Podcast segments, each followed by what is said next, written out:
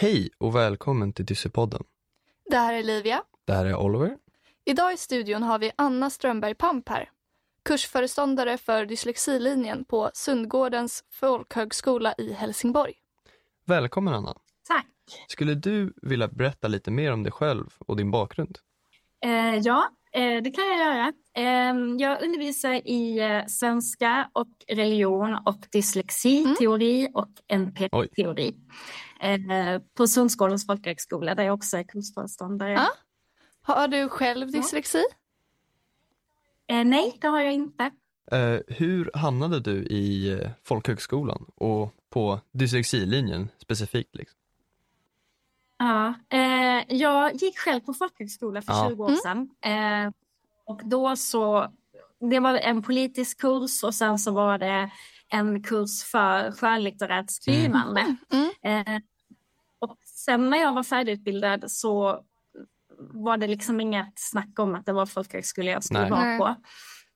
Um, och sen har jag arbetat på, på ganska många, men när jag arbetade på det som kallas för allmän kurs eller allmän ja. linje så kände jag liksom att ja, men det är det här jag kan, det är det här jag kan mm. och det är det här jag kan göra mest ja. skillnad.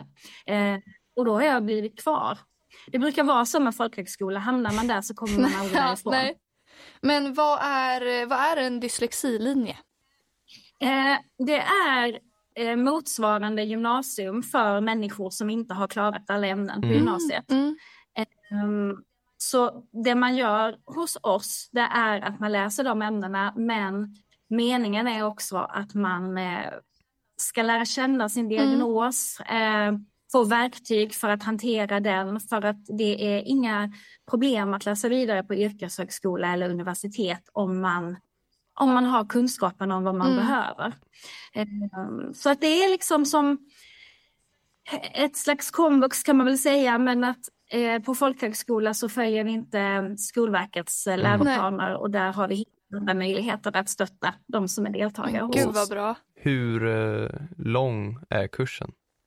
Det beror på. Eh, har man läst tre år på gymnasiet innan så behöver man läsa ett år hos oss. Har man läst två år på gymnasiet innan så är det ett år hos oss.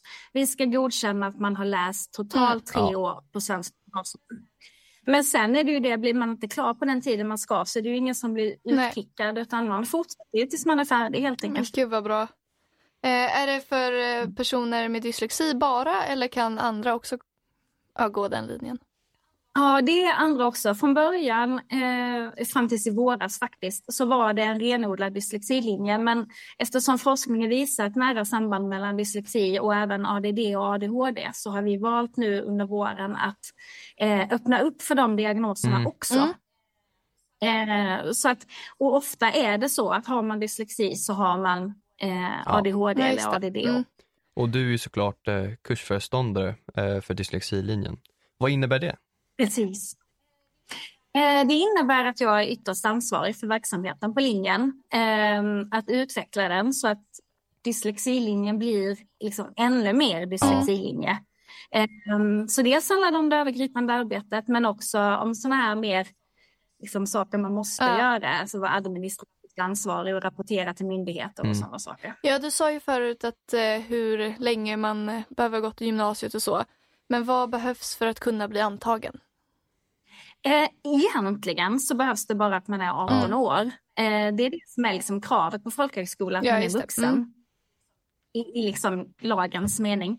Eh, men de som söker, de kallar jag till intervju så får, får de se om skolan passar mm. dem eh, och om vi har det som, som den här personen mm. söker. Men också om vi tror liksom att den här personen passar för den här typen jo. av studier. Idag så är det ju ganska många som har dyslexi som, som fixar komvux och mm. universitetet galant. Eh, men om man behöver stöd så är folkhögskola fantastiskt för att eh, det bygger mycket på eget mm. ansvar. Ansvaret handlar om att kommunicera vad man mm, behöver. Mm, men är det, det är eget, mycket eget ansvar men det är det mer hjälp på den här linjen? Är det stor skillnad? Ja, Alltså det är mycket eget ansvar och mer hjälp. Det ja. sa du jättebra. Mm. Det är precis så. Eh, för att är man medveten om sin diagnos och vad den innebär just för en själv och kan kommunicera mm. det, kan vi göra ja. allt. Vi har också möjlighet att göra jättemycket därför att det är ingen som styr oss liksom på mm. det sättet. Men så jag skulle säga att ett krav för att bli antagen är 18 år och motiverad. Ja. Därför att vill man inte ha hjälp eller vill man egentligen inte vara där eller det är föräldrar som har, liksom har sagt att du behöver bli färdig med mm. gymnasiet, då brukar det Nej. inte fungera. Men om det är tvärtom, då skulle jag säga att det är ganska svårt att inte lyckas. Och hur många ungdomar brukar ansöka till detta programmet? Liksom? Väldigt olika. Eh, det beror också på hur det ser ut i resten av samhället med arbetsmarknad ja. och, och så. Eh, jag skulle säga att folkhögskolorna generellt sett inte är jättevassa på att nå ut. Vi är faktiskt den enda utbildningen i Sverige som har fokus bara på mm. dyslexi. Um, men det är alltifrån 20 till 50 beroende mm. på. Mm. Är, och vi tar in 18. Är det olika klasser eller hur är det uppdelat? Man går, man går tillsammans mm. hela tiden. Eh, tanken med folkhögskola är att alla har Alltså det som man tidigare kanske har fokuserat väldigt mycket på liksom svårigheter och vad som inte har fungerat i skolan så, funger, um, så betonar vi istället vad det är som mm. fungerar eh, och sina styrkor. Mm. Så, ja, så alla går i samma mm. klass eh, och sen slutar man liksom när man är färdig. Ja. Men men eh, där det absolut viktigaste är deltagarens egna erfarenheter och liksom tolkningsföreträde över sin egen ja, diagnos. Och hur tycker du eh, lärarna skiljer sig från vanliga lärare i till exempel gymnasiet?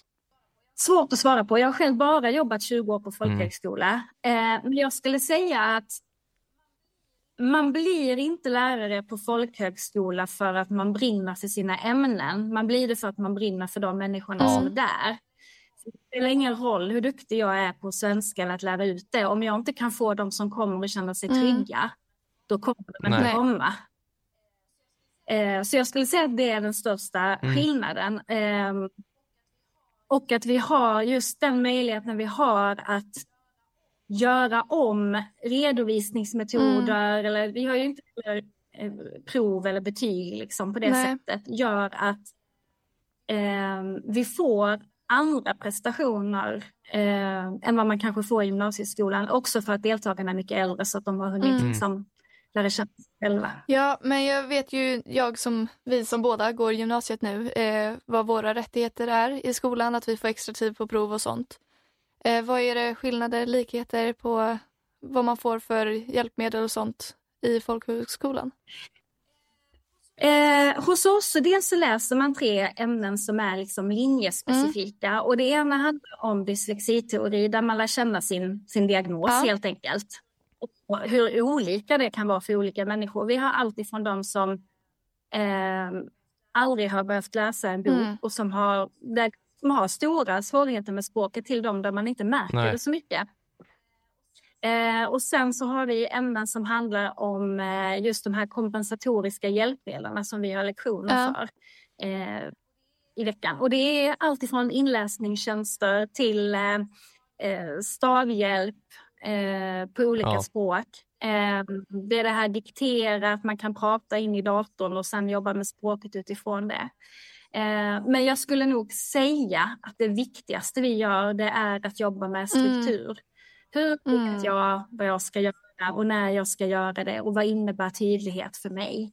Det skulle jag säga egentligen, det tillsammans med relationer är nästan ja. viktigare mm. än kompetentoriska ja, Det är 100 procent för mig. Jag tycker det är det som saknas i skolan jag går nu. Struktur och veta mm. exakt vad jag ska göra. För när jag väl vet mm. och när jag väl kommer igång, då kan det vara ganska lätt. Såklart lite svårare att läsa så, ja. men jag kommer igång, då så går det. Mm. mm. Så det är jättefint att ni gör det. Och mm. alltså vi pratat mycket om kursen. Um, finns det något mer som liksom ingår i den här kursen när man uh, börjar och slutar och mitt i liksom terminen? Alltså dels så läser man ju då de här ämnena som man behöver för att kunna läsa vidare. Alltså svenska 1, 2, 3 och engelska 5 och 6 mm. och sen då historia, religion, naturkunskap ja. och, och dem. Eh, och sen så läser man eh, om sin diagnos på olika sätt. Eh, och vi har ett ämne också som handlar om hur språket är uppbyggt, där man jobbar utifrån just den typen av dyslexi mm. som man har. Eh, så på det sättet så är det kanske inte liksom så eh, otroligt revolutionerande, men jag skulle nog säga att eh, det som händer under tiden med de här deltagarna som många gånger kommer från ganska trasiga skolbakgrunder. Mm. Det är väl det de framförallt får, mer än sina eh, behörigheter i ämnena, att de liksom klarar dem. Och det är ju såklart jätteviktigt. Men det viktigaste är ju självkänslan. Ja, verkligen. Men hur 100%. tror du att, eh, eller vad tror du, vad, vet du hur studenter tycker om programmet? Upplever programmet? Ja, alltså det, det är många som kommer tillbaka, mm. eh, som har läst vidare, som kommer tillbaka och berättar vad det har betytt för dem att gå på ja. skolan. Eh, jag tror också att, att det är, det är en personlig resa de gör under Gud, tiden ja. som får betydelse mm. såklart för deras liksom fortsatta studie och arbeten, men ännu mer för dem mm. själva. Och det säger ju många att det är det de tar med sig. Och, och nu är ju medelåldern 22-23, men de som har varit över 30, som har barn som själva har mm. dyslexi, har ju gett dem också en, en annan insikt av vad de kan göra för sina barn. Mm. Eh, när det gäller de här frågor, frågorna, vilka rättigheter de ja. har och sådär. Och det här med rättigheter och liksom att eh, man kommer från trasiga bakgrunder i liksom skolor som kanske inte bryr sig så mycket om anpassningar. Um, har du några exempel på hur anpassningar uh, kan hjälpa de här eleverna då? Och liksom fortsätta i sina studier eller uh, i livet? Ja men dels så tänker jag att, ja, men att det är sorgligt ja. att, man inte, att man inte har fått hjälp tidigare. Eh, mycket handlar om det här liksom anpassningen att komma igång, precis som du berättade, att komma igång eh, och att göra klart. Eh, extra tid. Eh, alltså alla de här fyller ju en funktion men, men eh, det största är nog egentligen att, att våra deltagare upplever att de blir lyssnade på och att de får berätta för, för oss vad de mm. behöver. Och i vissa fall kan det handla om alla programmen och i vissa fall kanske det handlar om, om ett. Mm. De här programmen hjälper ju men de hjälper ju för att deltagarna vet hur de ska använda mm. dem. Och, och behöver de ha lärare som vet hur man ska använda dem. Ehm, så att det inte heller är en sån här fråga. På, på vår linje så vi är ett litet arbetslag men alla måste ha kunskap om kompensatoriska ja. hjälpmedel. Det går inte att säga liksom, nej men du får vänta till onsdag när du ska ha undervisning i det igen utan det måste vara en garanti att alla kan ja. allt. Men vad, vad är den största mm. utmaningen för de som leder kursen? Ja, inklusive dig också. Jag skulle säga att det är psykisk ohälsa mm. och det är ett mm. väldigt stort ja. begrepp. Men, men eh, att få människor att komma till skolan trots sina bakgrunder. Mm. Eh, våga lyckas, för ibland kan det också Gud, skrämma ja. människor. Mm. Man bara hela tiden misslyckas, om man nu ska använda ja. den termen. Så kan det också bli väldigt jobbigt när man börjar lyckas. Mm. Mm. För att man kanske inte har verktyg för att hantera Nej, det heller. Och stor skillnad, stora eh, ändringar och sånt. Ja, men jag skulle säga alltså så här, samhällets orimliga krav och eh, alltså som skapar någon slags eh, dåligt mm. mående gör att många människor inte Nej. orkar ta ansvar för sina liv för att det är för mm. mycket. Mm. Eh, det skulle jag säga är den största utmaningen. Ja. Ja. Och vad skulle du säga det roligaste med att jobba um, i alltså, dyslexilinjen då är? Att se dem växa.